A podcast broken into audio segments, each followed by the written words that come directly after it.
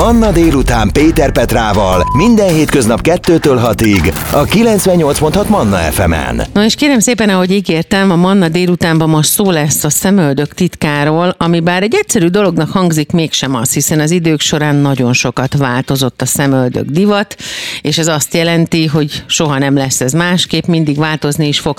Nagy divat manapság viszont a microblading, ami tulajdonképpen egy végleges megoldást nyújt, és ilyenkor az emberben felmerül a kérdés, hogy mi van akkor, hogyha 5-8 év múlva, vagy akár 3 év múlva más lesz a divat. Erről is beszélgetek mai vendégemmel, Nagy Kingával, aki microblading szakértő a Permanent Makeup Studio képviseletében beszélgetünk. Szia Kinga, köszönöm, hogy velünk vagy. Én is nagyon köszönöm. Szép napot a hallgatóknak. Szóval, hogyha a szemöldök divatot nézzük, akkor egy biztos, hogy nem biztos semmi, mert hogy nagyon sok minden változott az idők során. Például ott volt Max Faktor, aki nem csak arról híres, hogy micsoda sminkes volt, hanem arról is, hogy konkrétan leborotválta Greta Garbo szemöldökét, és megrajzolt azt a nagyon klasszikus szemöldök csontot követő lefelé néző félholdat, ami aztán a 20. század 30-as évének egészében egyeduralkodó volt, az volt csak a divat.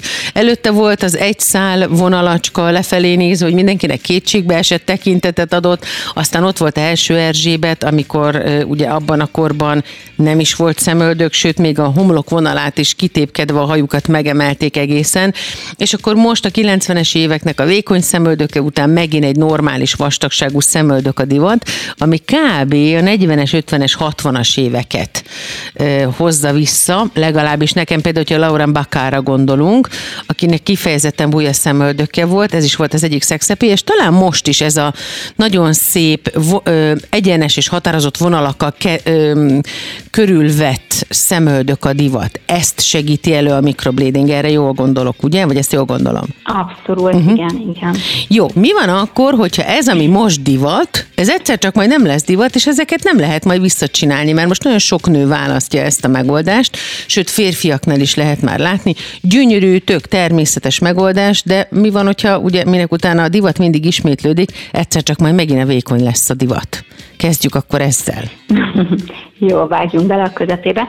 Először is a, a mikrobladingről annyit, hogy ugye itt nagyon, nagyon hajszálvékony szálakat tetoválunk, és nagyon felszínes technika, tehát nagyon fent maradunk vele a bőrben, ezért nagyon könnyen kikopik, és nagyon-nagyon kevés pigmentet közlünk a bőrbe, mint régebben ezeknél a púderes technikáknál, vagy akár a, a gépi szálas tetoválásnál is sokkal több pigment kerül be. Uh-huh.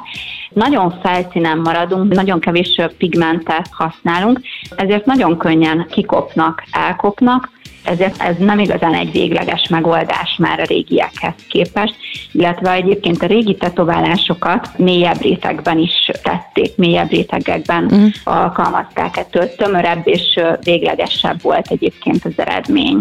Kinga, a régi tetoválás az konkrétan egy olyan tetoválás volt, mint ami egy divat tetoválás, hogy odarajzoltak egy bizonyos formájú és emelkedésű szögű csíkot, ugye? A szemhi, a, gyakorlatilag a, a, a szemünk fölé, oda a szemödök csonthoz. Hát igen, sajnos, sajnos jó pár évig volt az divat, hogy le úgy kezdődött egy szemöldök tetoválás, hogy a, a szakember leborotválta a szemöldököt és valamit gondolt az helyett. Ez most már egyáltalán nincs, legalábbis nálunk a mi stúdiónkban biztosan nem. Itt nálunk abszolút a természetes szőrzetnek a kiegészítéséről beszélünk, az a, az a, a kiinduló pontunk, és az a legfontosabb, hogy ahhoz idomuljunk nem, nem csinálunk már más formákat, illetve hát borotválásról pedig szó sincs uh-huh. természetesen. Manna délután, Péter Petrával. A Manna FM-en. A Manna délután vendége Nagy Kinga, mikroblading szakértő, akivel most nagyon divatos technikáról beszélgetünk, ami nagyban tud segítség lenni egyébként a férfiaknak és a nőknek is. A tartóságáról, a változtathatóságáról is beszélünk, A különböző szemöldök formázási, tetoválási technikák között ugye itt is most mind, annyi minden másnál a kozmetikai iparban a természetesség a legfontosabb. Hogyan tudjuk megtalálni azt, ami nekünk jól áll, ahhoz képest, amit mondjuk talál egy ember, hogy na én ilyet szeretnék, de történetesen nem álljon. Olyankor mit tud tenni? A kedves szakember, ugye az az adott hölgy vagy úr, mert hogy a férfiak is mondom még egyszer, most már tudnak ilyen segítséghez fordulni, vagy segítséget fordulni. Tehát, hogy olyat választanak, vagy olyat készítessenek maguknak, ami jól áll nekik, nem pedig, amit ők kitaláltak maguknak egy kép alapján. Hát ez nehéz dolog mindig. Én azt gondolom, hogy amikor egy völgy kiválaszt egy szakembert, és tetoválásról beszélgetnek, akkor azért van egy alapvető bizalom képülve, illetve a szakembert úgy ajánlom én is kiválasztani, hogy rengeteg referenciáját lássa a kedves vendég, és így ki lehet azt küszöbölni, hogy egy olyan szakember kezébe feküdjünk, akinek teljesen más az elképzelése akár a szemöldökünkről, és hogyha nekünk pedig valami tetszik magunkon, és a szakembernek is olyan munkáit látunk, amit tetszik, akkor, akkor már, már van egy közös pont, és elég nehéz ezen elcsúszni. Hogyha az én mindennapjaimat tekintjük, mint mint szakember abszolút a, a vendégeim is a természetesség a legfontosabb, és általában szoktak egyezni a véleményeink a vendégeimmel, illetve megmondom őszintén, hogy legtöbbször nincs is véleménye a vendégnek, hanem megbízik, és azt mondja, hogy te láttál már milliót, szeretem a munkáidat, tetszenek a munkáid, és megbízok abba, hogy az arcomnak megfelelő szemöldököt fogod nekem uh-huh. elkészíteni. Úgyhogy de a forma az egy dolog, elég... a színeket hogy választjátok ki? A mikrobléd szemöldököknél az a legfontosabb, hogy az, amit tetoválunk, az minden, minden tulajdonságában 100%-ig feleljen meg a meglévő szemöldök szörnek.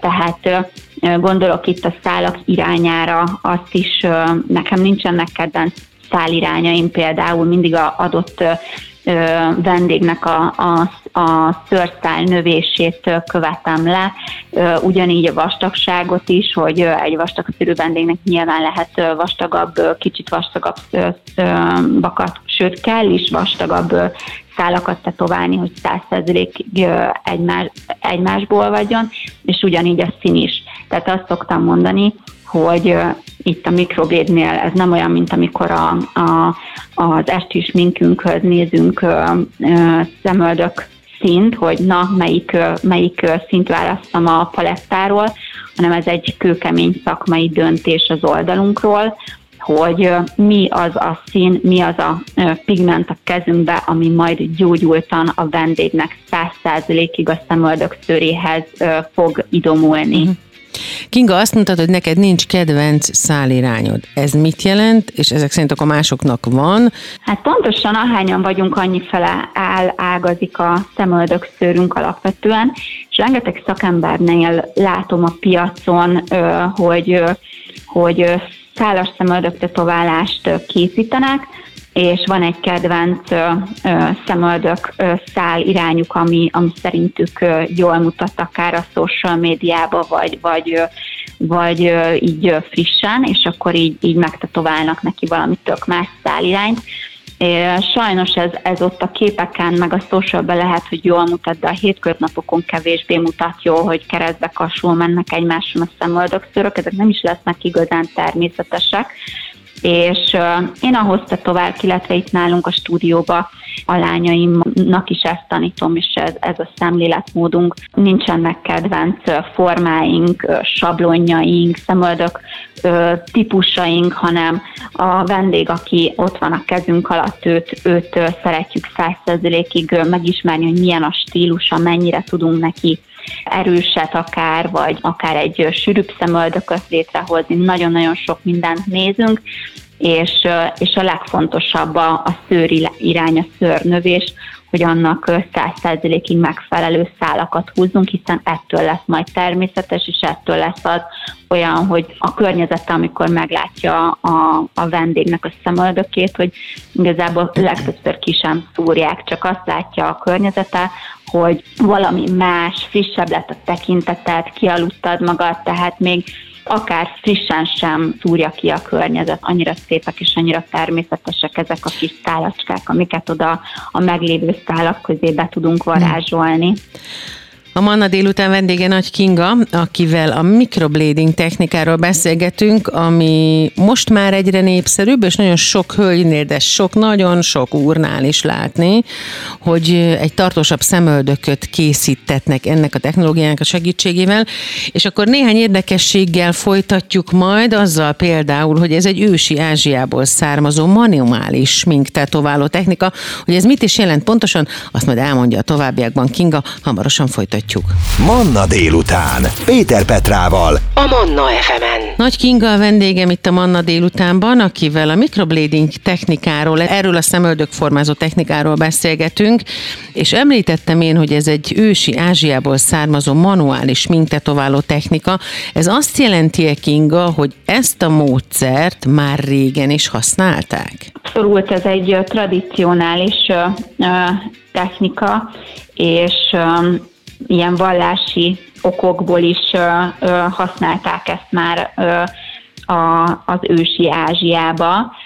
Mm, ez tulajdonképpen azt jelenti, hogy itt nyilván nem géppel tetoválunk, hiszen az ős, ősi Ázsiában nem volt még erre lehetőség, hanem egy tollszerű eszköz van a kezünkben, aminek egy, egy mikroméretű tűkből álló tűsor van a végén, és tulajdonképpen ilyen nagyon-nagyon vékony vágásokat ejtünk a bőrön, nyilván pigmenttel, és ahogy húzzuk ezt, a, ezt az eszközt, még van egy ilyen kis rezgése is a, a, a tűknek, és ez, ez is segíti tulajdonképpen a tetoválásnak a, a tetováló, tetoválás hatását és ettől, hogy ezek tűk egyébként, nem, nem vágjuk el a szőrszálakat, tehát minden szőrszál marad a, a helyén, azok nem sérülnek.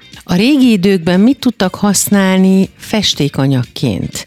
És ez mennyi ideig maradt meg a bőrben? Ehhez képest, ugye te is azt mondtad, hogy ez azért nem örökre szól, tehát elhalványul majd, kb. úgy, mint amikor a szemöldök festés, tehát a meglévő szemöldök szőrszálak ugye befestésre kerülnek, nagyjából így képzelem. A régi időkben erről nem tudni pontosan egyébként. Én, amit hallottam és amit tudok róla, hogy szenet, illetve tintát használtak, hagyományos tintát, a másik kérdés nem addig tart egyébként, mint egy szemöldök festés. Ugye a szemöldök szőröknek a befestése az pár hétig tartós, itt a bőr, bőrben egy ilyen másfél-két évet tudnak ezek jelen lenni, és utána szépen lágyan eltűnnek tulajdonképpen. Tehát akkor megnyugodhat mindenki, hogyha ehhez a technikához fordul, akkor egy nagyon természetes, de hogyha a szemöldök fazon változik, akkor viszont egy változásra képes szemöldököt ö, kap, ö, vagy tulajdonképpen ahhoz jut hozzá, vagy tud újra így viselni egy ilyen szemöldököt. Ami még fontos lehet, hogy ez alapján, amit elmondtál, például a kemoterápiás kezelés utáni szemöldök szempillavesztésnél ugye nagyon sokszor az emberek pontosan ezért tudnak fordulni egy-egy ilyen technikához, olyankor is működik, és teljesen természetes hatást ad, hogyha valakinek ilyen okok miatt van szüksége szemöldökpótlásra? Abszolút. Annyi van, hogyha ennyire kevés a szőrszál, szál, vagy pedig a adott esetben egyáltalán nincs is a területen szőrszál, akkor egy lágy árnyékolást készítünk a, a szemöldök szőrök közé, és ettől dúsabbnak, dúsabbnak természetesnek, természetesebbnek hat, akkor is egy szemöldök, hogyha egyáltalán nincs a területen egy, akár egy darab szőrszál sem. Kinga, végezetül azt mondd el kérlek nekünk, hogy mire érdemes odafigyelni, hogyha valaki ilyen típusú szemöldök korrekciót választana magának, amire mondom, most már nem csak a hölgyek, hanem az urak is jelen vannak. Először is az a legfontosabb, hogy rengeteg referenciát nézzünk meg az adott tetoválótól, és azok a, a referenciák azok ténylegesen közel álljanak hozzánk, abszolút tükrözzék a mi stílusunkat. Illetve nagyon-nagyon fontos, hogy lássunk az adott tetoválótól gyógyult tetoválási eredményeket is. Ez nagyon fontos, és sajnos, sajnos sok tetováló itt vérzik el, illetve ez miatt nem is kommunikálnak róla. Úgyhogy azt szoktam mondani, kicsit ilyen teatrálisan kifejezve, hogyha egy adott tetoválónál nem látunk szálas tetoválásnál, vagy bármilyen tetoválásnál gyógyult eredményeket, akkor azt a helyet nagy ívből kerüljük el, mert ott nem tudjuk, hogy hosszú távon mi fog a bőrünkben jelen lenni.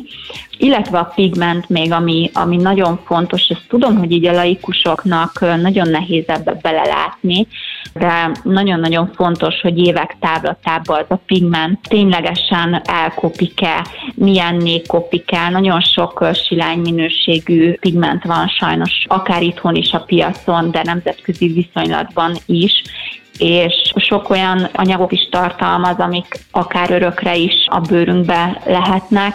Ezeket jó ezekről informálódni és elkerülni azokat a helyeket, amik, amik gyanúsak, illetve én például mindig kommunikálok több éves munkámat is, amikor jönnek vissza a vendégek frissítésre, akkor azt szoktuk fotózni, dokumentálni, és arról is szoktam kitenni felvételt illetve egyébként az ár, az ár az, az egy nagyon jó mutató ebben a, ebben a szegmensben, mert hogy, hogyha egy szolgáltatás túl olcsó, akkor mindenképpen gyanakodhatunk arra, hogy nem megfelelő pigmenttel, nem megfelelő anyagokkal ö, dolgozik az adott szakember. Úgyhogy ezek talán a legfontosabbak. Giga, köszönjük szépen a jó tanácsokat. Remélem most minden hallgatónak sikerült egy kis kapaszkodót adni azzal kapcsolatban, hogyha szemöldök erősítést vagy formázást tervez, akkor mi alapján hozzon döntést. A Manna délután vendége volt Nagy Kinga, microblading szakértő a Nagy Kinga Permanent Makeup Studio képviseletében. Köszönjük szépen, hogy velünk voltál. Én is nagyon szépen köszönöm, további szép napot kívánok mindenkinek. Manna délután. Péter Petrával. Manna FM.